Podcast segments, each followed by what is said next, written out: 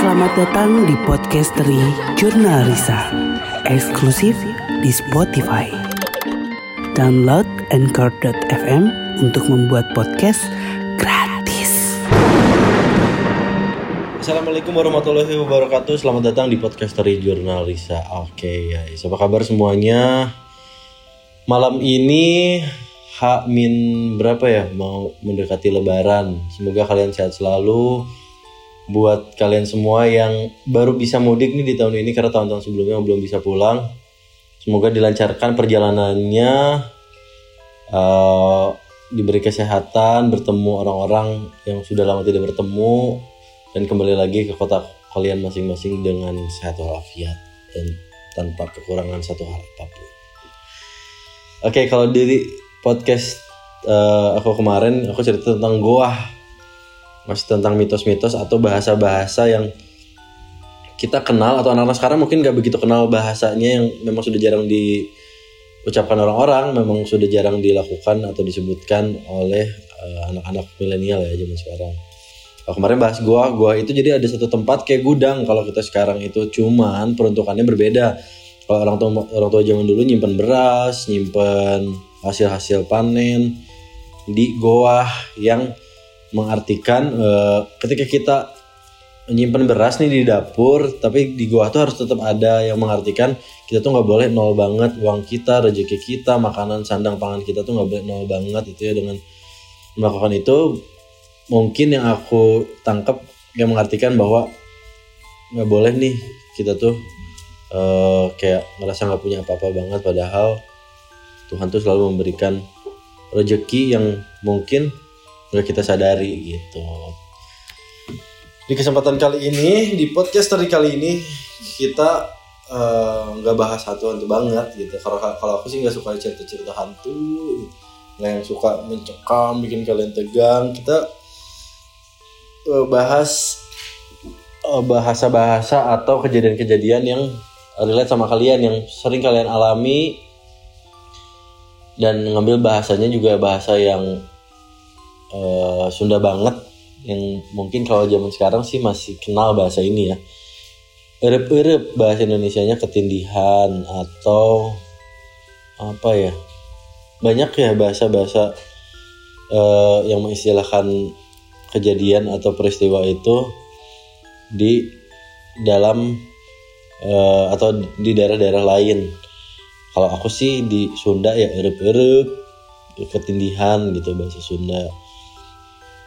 Kalau ngomongin erep-erep sebenarnya sudah dilakukan riset tentang si erep-erep itu sendiri, ketindihan itu sendiri yang katanya memang ada penjelasan ilmiahnya. Ada penjelasan medisnya. Kalau misalnya erep-erep itu nggak selalu berkaitan dengan hantu selalu nggak selalu berkaitan dengan kalian diganggu setan ditindihin setan Wih, serem banget ya ditindihin setan gitu nggak kebayang kalau menurut penjelasan ilmiahnya jadi ketika kalian mencoba beristirahat atau tubuh kalian kalian mati ini off nih kalau kalau misalnya istilah lainnya. Tapi eh, kerja otak kalian tuh masih belum istirahat sepenuhnya gitu. Pemikiran kalian masih mikirin apa atau nggak bener-bener atau nggak bener-bener istirahat yang bener-bener ya harus istirahat. Namanya istirahat tuh ya tenang semuanya semua nggak mungkin mati semua organ-organ dalam tubuh ya. Kita mati dong kalau semua masih kalau kalau nggak berfungsi semuanya. Cuman memang diistirahatkan penjelasan ilmiahnya seperti itu. Ada beberapa eh, mungkin syaraf-syaraf atau ya organ di dalam tubuh kita yang memang belum sepenuhnya beristirahat atau sedang memikirkan sesuatu jadi memicu lah si kejadian erep-erep ini. Tapi gimana guys, misalnya eh, ada kejadian yang memang kita nggak bisa cerna nih, nggak masuk di akal nih kalau kita masih mempositifkan diri atau kayak mem- mem- me- membawa menggiring pemikiran kita ke arah yang lebih positif. Ah ini mah nggak ada apa-apa nih dan memang ada penjelasan ilmiahnya. Tapi gimana kalau si kejadian itu memang nggak masuk di akal, di luar nalar. Contohnya seperti yang saya pernah alami, yang orang-orang terdekat saya juga pernah alami.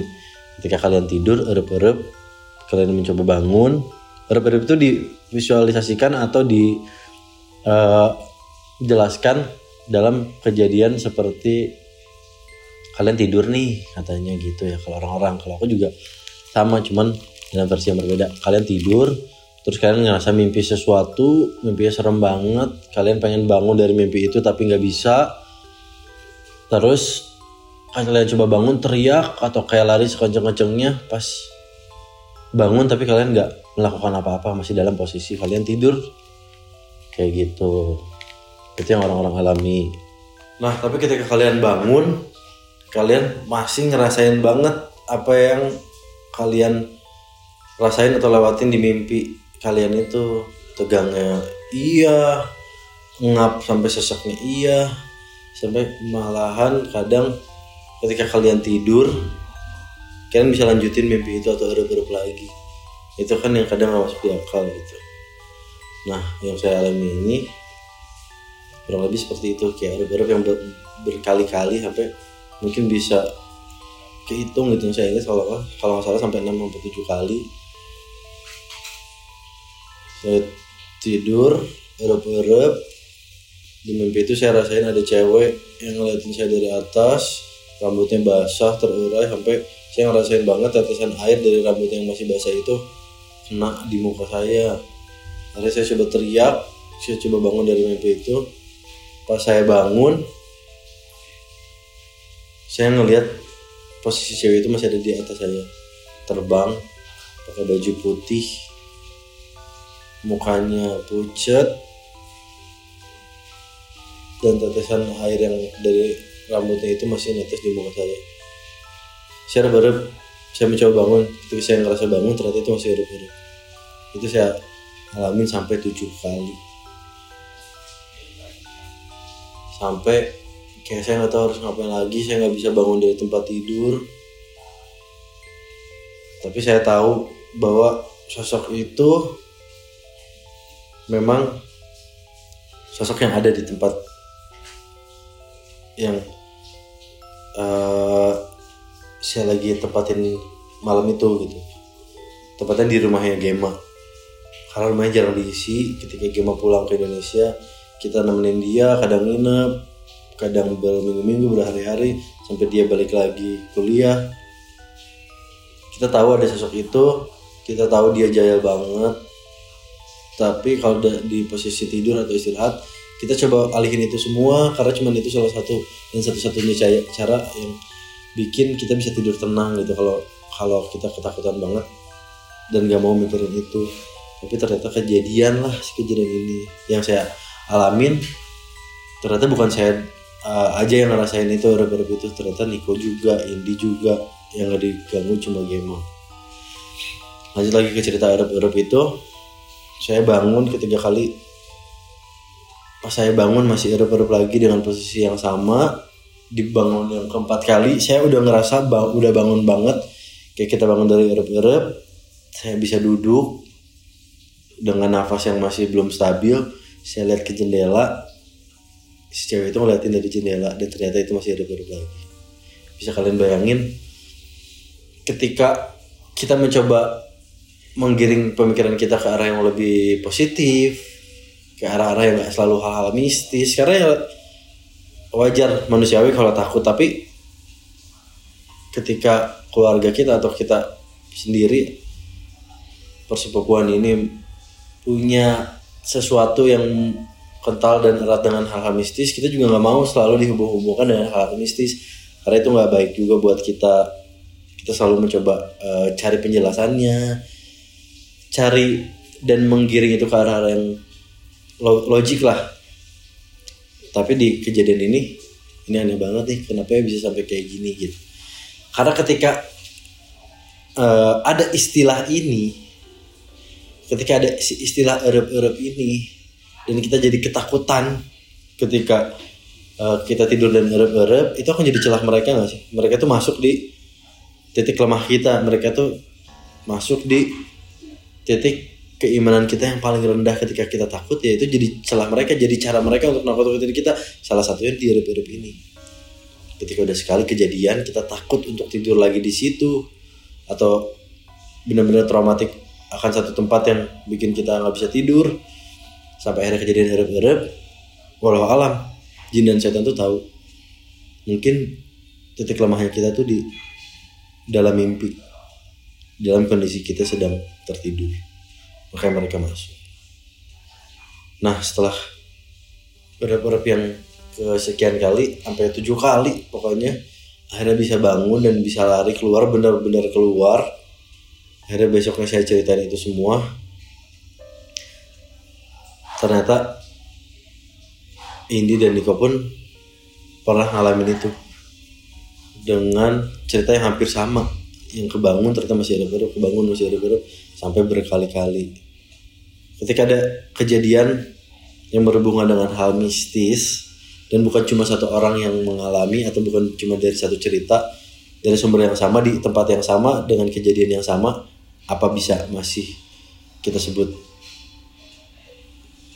atau kita mengarahkan itu sebagai kejadian yang berhubungan dengan medis atau ada penjelasan ilmiah. Itu balik lagi sih kalian masing-masing. Yang yang pasti dan yang terpenting ya pada harfiahnya kita tuh makhluk sempurna kita nggak boleh takut gitu. Se jahat apa pun mereka se pinter apa pun mereka mungkin mencari celah untuk menakut-takutin kita kita harus lebih di atas mereka walaupun cuma satu persen atau dua persen bagaimanapun caranya. Makanya balik lagi ke kalian masing-masing. Itu sih yang selalu saya sebutin atau yang selalu kita sebutin di konten YouTube atau di mana pun. Ketika kalian bepergian atau mau istirahat ketika datang ke suatu tempat yang memang jarang ditempatin ya gak ada salahnya kita sebagai bahasa Indonesia yang kental dengan hal-hal seperti ini gitu yang kulturnya memang gak jauh dari tradisi-tradisi yang berhubungan dengan hal-hal mistis gak ada salahnya kita apa ya punya bahasa lah kayak izin dulu atau dengan doa. Yang paling benar tuh ya mungkin dengan doa yang kalian percaya gitu. Kita doain dulu tempatnya atau baca Bismillah dulu assalamualaikum dulu di dalam hati bahwa kalian akan dapat tempat ini. Semoga dijauhkan dan tidak diganggu oleh hal-hal seperti itu. Kurang lebih seperti itu guys. Jadi kalau kalian masih percaya ada pada itu hal yang memang wajar dan memang ada penjelasan ilmiahnya atau memang ada hantu yang mengganggu kalian sedang tidur. Coba deh kamu dengerin ini sebelum tidur. Habis itu kalau ada apa-apa coba cerita sama aku.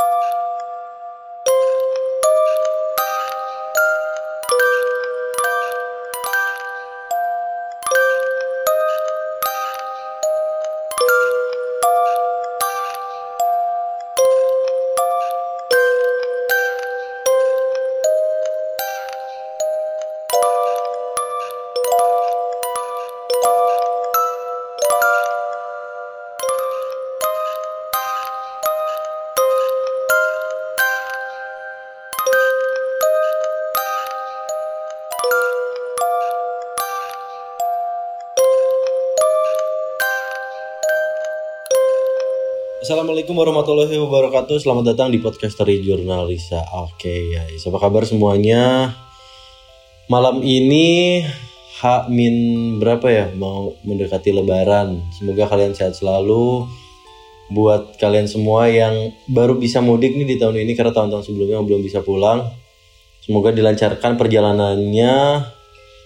Uh, diberi kesehatan, bertemu orang-orang yang sudah lama tidak bertemu, dan kembali lagi ke kota kalian masing-masing dengan sehat walafiat dan tanpa kekurangan satu hal apa pun. Oke, okay, kalau dari podcast uh, aku kemarin aku cerita tentang goa, masih tentang mitos-mitos atau bahasa-bahasa yang kita kenal atau anak-anak sekarang mungkin gak begitu kenal bahasanya yang memang sudah jarang diucapkan orang-orang, memang sudah jarang dilakukan atau disebutkan oleh uh, anak-anak milenial ya zaman sekarang.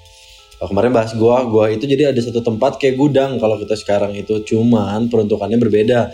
Kalau orang tua orang tua zaman dulu nyimpen beras, nyimpen hasil-hasil panen di goa yang mengartikan uh, ketika kita menyimpan beras nih di dapur, tapi di goa tuh harus tetap ada yang mengartikan kita tuh nggak boleh nol banget uang kita, rezeki kita, makanan sandang pangan kita tuh nggak boleh nol banget itu ya dengan melakukan itu mungkin yang aku tangkap yang mengartikan bahwa nggak boleh nih kita tuh uh, kayak ngerasa nggak punya apa-apa banget padahal Tuhan tuh selalu memberikan rezeki yang mungkin nggak kita sadari gitu. Di kesempatan kali ini di podcast dari kali ini kita eh, nggak uh, bahas hantu hantu banget gitu. Kalau kalau aku sih nggak suka cerita cerita hantu, gitu. yang suka mencekam bikin kalian tegang. Kita uh, bahas uh, bahasa-bahasa atau kejadian-kejadian yang relate sama kalian yang sering kalian alami. Dan ngambil bahasanya juga bahasa yang uh, Sunda banget yang mungkin kalau zaman sekarang sih masih kenal bahasa ini ya. Erep-erep bahasa Indonesianya ketindihan atau apa ya? Banyak ya bahasa-bahasa uh, yang mengistilahkan kejadian atau peristiwa itu di dalam uh, atau di daerah-daerah lain. Kalau aku sih di Sunda ya erup-erup, ketindihan gitu bahasa Sunda. Kalau ngomongin erup-erup sebenarnya sudah dilakukan riset tentang si erup-erup itu sendiri, ketindihan itu sendiri yang katanya memang ada penjelasan ilmiahnya ada penjelasan medisnya. Kalau misalnya erep-erep itu nggak selalu berkaitan dengan hantu. Selalu nggak selalu berkaitan dengan kalian diganggu setan ditindihin setan. Wih, serem banget ya ditindihin setan gitu gak kebayang.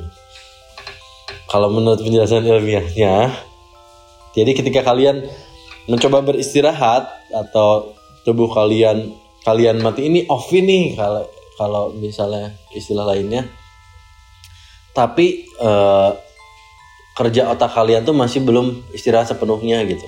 Pemikiran kalian masih mikirin apa atau nggak bener-bener atau nggak bener-bener istirahat yang bener-bener ya harus istirahat. Namanya istirahat tuh ya tenang semuanya semua nggak mungkin mati semua organ-organ dalam tubuh ya. Kita mati dong kalau semua masih kalau kalau nggak berfungsi semuanya. Cuman memang diistirahatkan.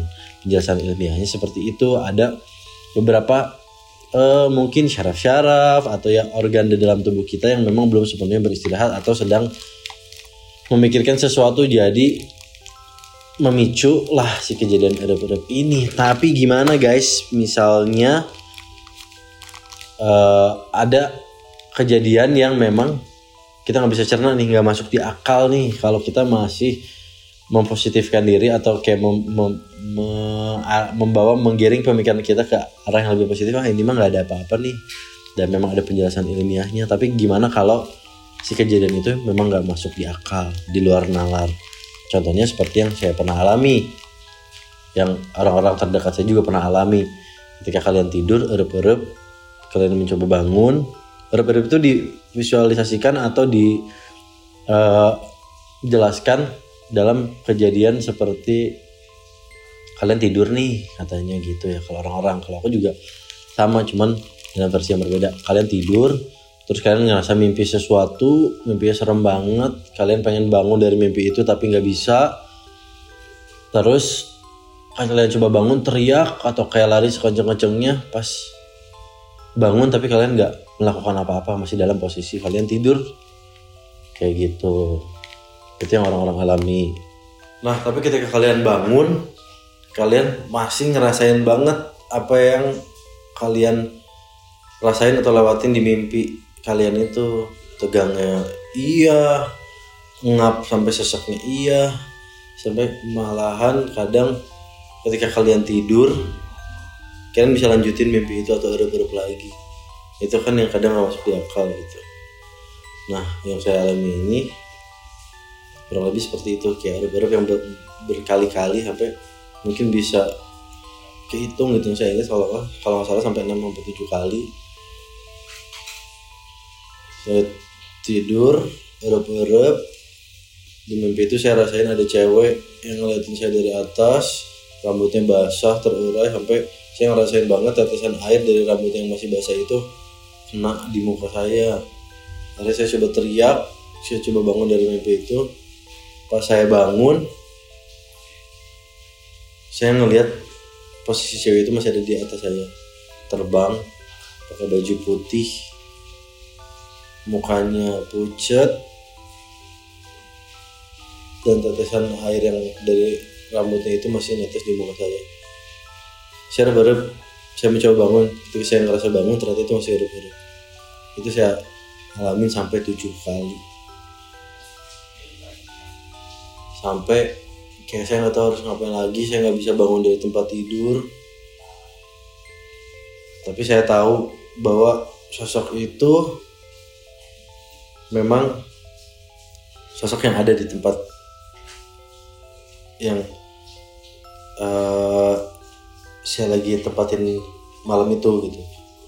Tepatnya di rumahnya Gema karena rumahnya jarang diisi ketika Gema pulang ke Indonesia kita nemenin dia kadang nginep kadang berminggu-minggu berhari-hari sampai dia balik lagi kuliah. Kita tahu ada sosok itu kita tahu dia jaya banget.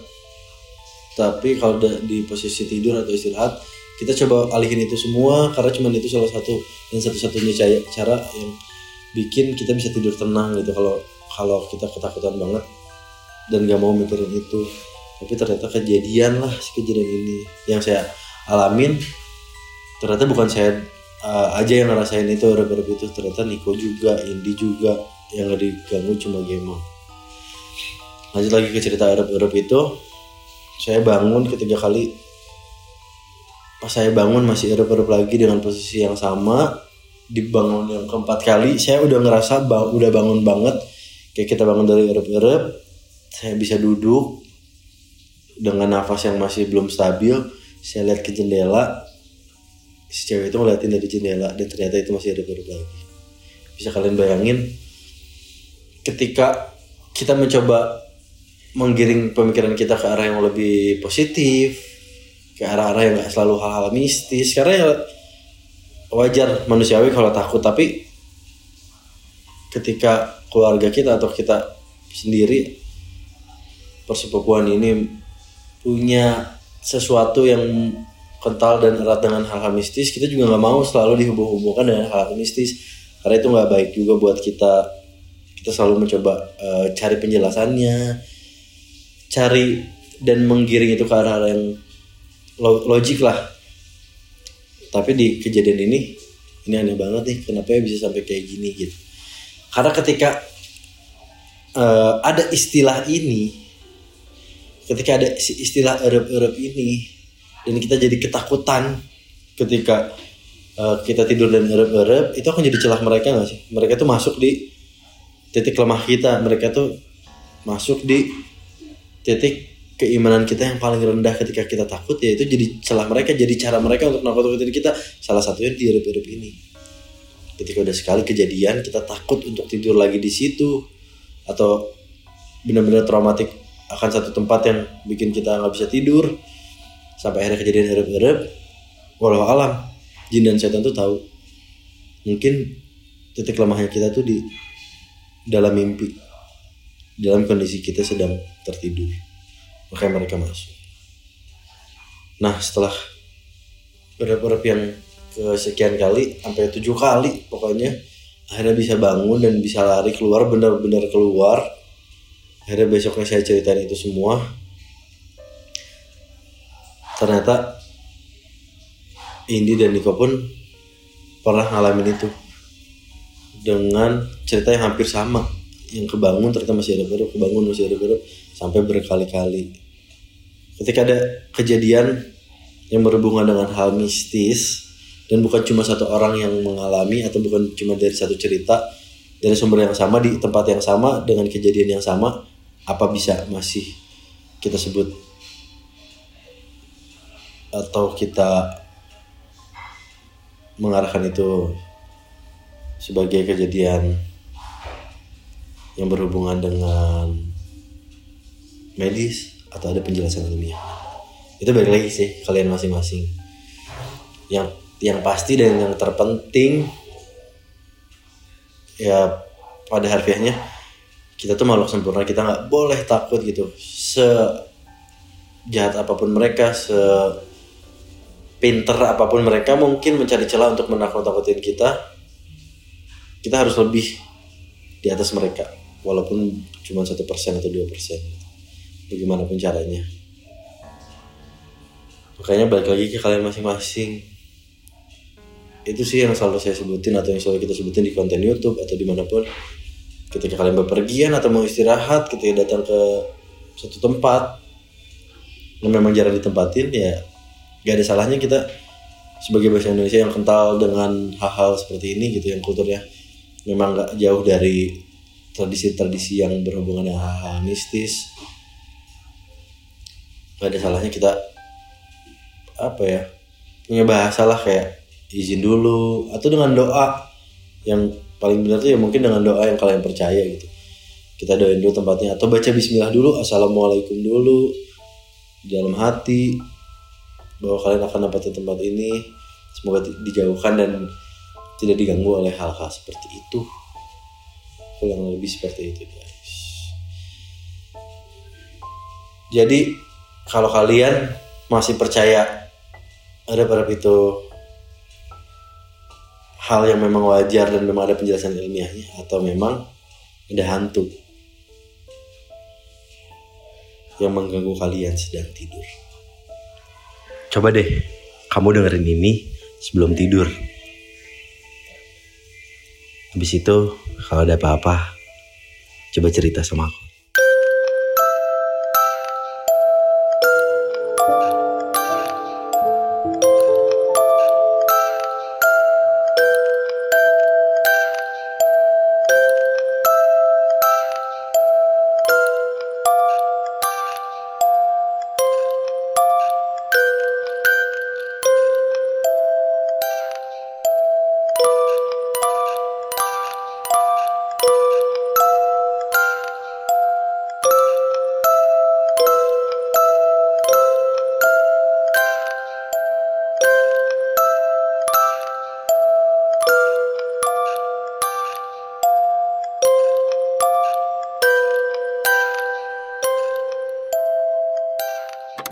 Podcasteri Jurnal Risa eksklusif di Spotify. Download Anchor.fm untuk membuat podcast gratis.